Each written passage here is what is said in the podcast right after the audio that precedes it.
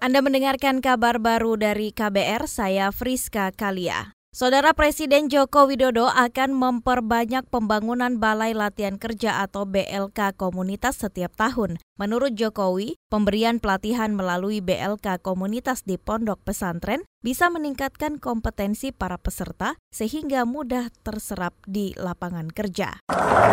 Dan yang paling penting, secara real nyata itu BLK ini betul-betul harus hidup dan menghasilkan SDM-SDM yang baik dari pondok pesantren yang kita miliki. Goalnya harus ke sana. Kalau nanti 2000 ini benar-benar kita lihat berjalan semuanya, nanti akan kita lipat lagi menjadi 4000. Insya Allah tahun depannya lagi.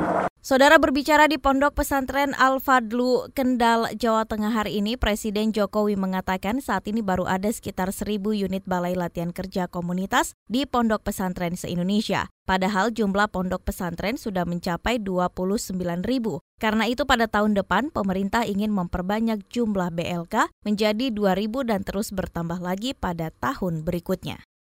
Kita beralih ke informasi lain, Kejaksaan Agung akan menelusuri seluruh aset milik para pimpinan PT Asuransi Jiwasraya. Jaksa Agung Muda Tindak Pidana Khusus Adi Tugarisman mengatakan, penelusuran aset itu sebagai upaya menaksir pengembalian kerugian negara akibat kasus gagar bayar polis asuransi Jiwasraya. Kami tetap akan menyelesaikan secara tuntas mencari aset-asetnya yang berkaitan dengan perkara itu. Kami sedang bekerja ya. Kita tolong ikutin kita dukung supaya bagaimana nanti penyelesaian perkara ini bisa uh, utuh paripurna Saudara itu tadi jam Pitsus Kejaksaan Agung Adi Tugarisman. Sebelumnya PT Asuransi Jiwasraya diduga mengalami gagar bayar polis karena banyak melakukan investasi pada aset-aset dengan resiko tinggi. Tujuannya demi mengejar keuntungan tinggi. Kerugian negara dari penempatan saham itu diperkirakan mencapai lebih dari 13 triliun rupiah.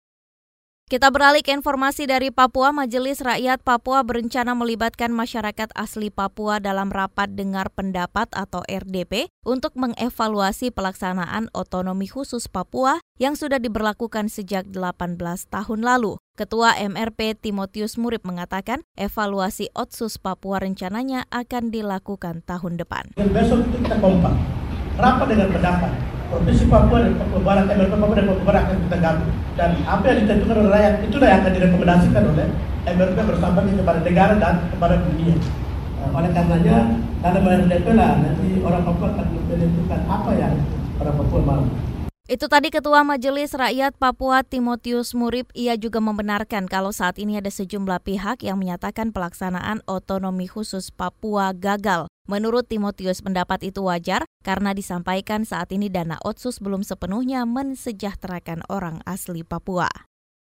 Kita beralih ke informasi dari luar negeri, pemerintah Australia akan memberikan kompensasi kepada para sukarelawan pemadam kebakaran di negara bagian New South Wales. Kompensasi diberikan karena mereka sudah bekerja keras memadamkan kobaran api menyusul kebakaran hutan. Perdana Menteri Australia Scott Morrison mengatakan nilai kompensasi itu mencapai 6.000 dolar Australia atau setara 58 juta rupiah. Kompensasi dikhususkan bagi sukarelawan pemadam kebakaran yang sudah bekerja selama lebih dari 10 hari di lapangan. Demikian kabar baru dari KBR, saya Friska Kalia.